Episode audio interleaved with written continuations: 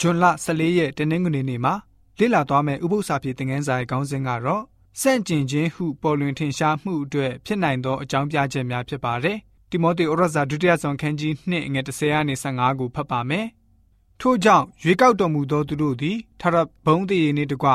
ယေရှုခရစ်အားဖြင့်ကယ်တင်ခြင်းသို့ရောက်စိမ့်သောငါသူတို့အဖို့အရာရာကိုငါတီးခံရ၏။သစ္စာစကားဟုမူကားထိုသခင်နှင့်အတူတည်လင်အတူရှင်လိမ့်မည်။တီးခံလင်ထိုသခင်နှင့်အတူ ဆိုးဆန်လိမ့်မည်ထိုသခင်ကိုငါတို့သည်ညင်းပယ်လင်ငါတို့ကိုညင်းပယ်တော်မူလိမ့်မည်ငါတို့သည်မြုံကြည့်တော်လဲထိုသခင်သည်တစ္ဆာတိသဖြင့်ကိုကိုညင်းပယ်တော်မူမူ၌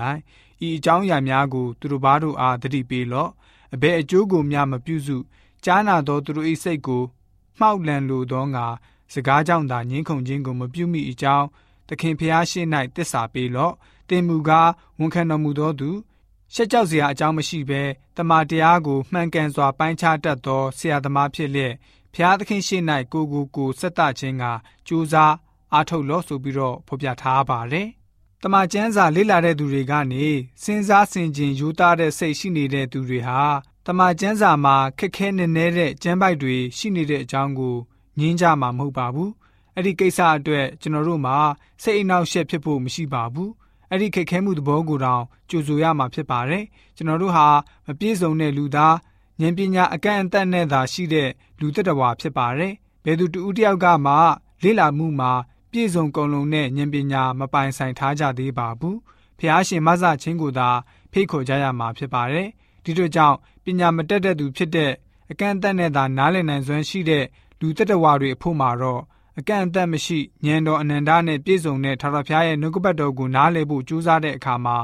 ခက်ခဲတဲ့အတားအဆီးအကာရန်တွေရှိနေမှာကတော့အသေးချာပဲဖြစ်ပါတယ်။နားလည်ဖို့ခက်ခဲတဲ့တမန်ကျမ်းစာရဲ့တွင်တင်ချက်တွေရှိနေလင့်ကစားတမန်ကျမ်းစာကအတီးပြုတ်တက်တည်ပြတဲ့အရာမှန်သမျှဘယ်သောအခါမှမှောင်ရင်းမှာမဟုတ်ပါဘူး။တန်ရှင်းသောဝိညာဉ်တော်မှုသွင်းပြီးတော့ဖျားရှင်ဖော်ပြတဲ့တမန်ကျမ်းစာရဲ့တွင်တင်ချက်ကိုဖယ်ထုတ်လိုတဲ့သူတွေဟာ အဲ့ဒီကျမ်းစာသွန်သင်ချက်ဟာအမှန်တရားနဲ့ဆန့်ကျင်မှုဖြစ်တဲ့မှားယွင်းတယ်လို့ကြွေးကြော်အကြောင်းပြလေ့ရှိပါတယ်။သူတို့တွေကြောင့်တမန်ကျမ်းစာဟာလူပုဂ္ဂိုလ်ပိုင်တဲ့စာအုပ်တအုပ်ထက်တာလွန်မှုမရှိတော့ပါဘူး။လူသားရေးထားတဲ့အတွက်ကြောင့်မပြည့်စုံမှုမှားယွင်းမှုတွေပါဝင်နေတယ်လို့ယုံကြည်ကြပါတယ်။အဲ့လိုအတွေးခေါ်ခံယူချက်မျိုးကြောင့်ဝိညာဉ်တော်မုတ်သွင်းထားပြီးတော့ တန်ဖိုးထားကိုးစားထိုက်တဲ့ဘုရားရှင်ရဲ့နှုတ်ကပတ်တော်တမန်တရားကိုတန်ဖိုးထားရကောင်းမှန်းမသိတော့ဘဲနဲ့အကြောင်းအရာတစ်ခုခုကိုပေါ့ပြက်ပြက်သဘောထားပြီးတော့အလေးထားဖို့ကြိုးစားလို့စိတ်မရှိတော့ပါဘူးနှုတ်ကပတ်တော်ကနေဖော်ပြတဲ့တမန်ကျမ်းစာရဲ့ပထမဦးဆုံးစာမျက်နှာကိုတန်တရားစိတ်နဲ့မိကွန်းပု္ပ္ပာတွေနဲ့စလာတဲ့သူ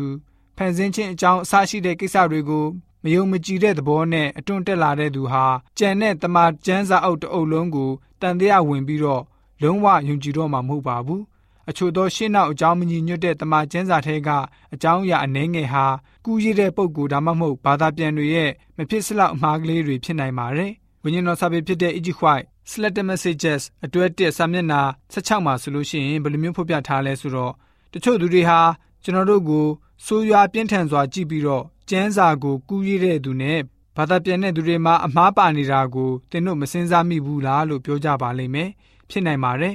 လူသားတွေရဲ့ပညာဟာသေးငယ်လွန်းလာပါတယ်အလင်းစလိုဖြစ်နေခြင်းအနောက်ရှက်ဖြစ်နေခြင်းမျိုးမှာ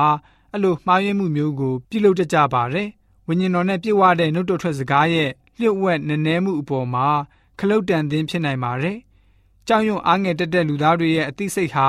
ထထဖျားရှင်ရဲ့အကြံစီတော်ကိုမဖြည့်ဆည်းနိုင်ပါဘူးလူသားတွေရဲ့အသိဉာဏ်အုံနောက်ဟာညီညာဖြောင်ဖြူးတဲ့ဖျားရှင်ဖွင့်ပြတဲ့ ရိုးတွင်းချင်းစီနဲ့ပြည့်ဝလက်ရှိတဲ့အရာအတွက်ခလုတ်တန်သင်ဖြစ်စေနိုင်ပါတယ်။အဲ့ဒီမှားယွင်းမှုမျိုးဟာလည်းပဲဝိညာဉ်တစ်လုံးကိုဒုက္ခဖြစ်စေလိမ့်မှာမဟုတ်ပါဘူး။ခြေတလန်းအတွက်ခလုတ်တန်သင်မဖြစ်စေပါဘူး။ခက်ခဲတဲ့အရာတွေထဲကမှညီညာဖြောင်ဖြူးတဲ့အမှန်တရားကိုဖြစ်စေမှာဖြစ်ပါတယ်ဆိုပြီးတော့ဝိညာဉ်တော်စာပေကဖော်ပြလိုထားပါတယ်။ဒီလိုကြောင့်ကျွန်တော်တို့ယဉ်ကျေးသူများအနေနဲ့ တမန်ကျမ်းစာကိုလေ့လာတဲ့အခါမှာဆိုလို့ရှိရင်ပေါ့ပြက်ပြက်လေ့လာတာမျိုးမဟုတ်ဘဲနဲ့တကယ်ပဲတမန်ကျမ်းစာကိုနှိတ်ချတဲ့စိတ်နဲ့စက္ကက်တဲ့နှလုံးသားနဲ့အလေးထားပြီးတော့ဖတ်ရှုလေ့လာတဲ့ယုံကြည်သူတွေဖြစ်စေဖို့အတွက်တနင်္ဂနွေနေ့ဥပုသ္စာဖြစ်တဲ့ငန်းစာကဖော်ပြထားပါတယ်။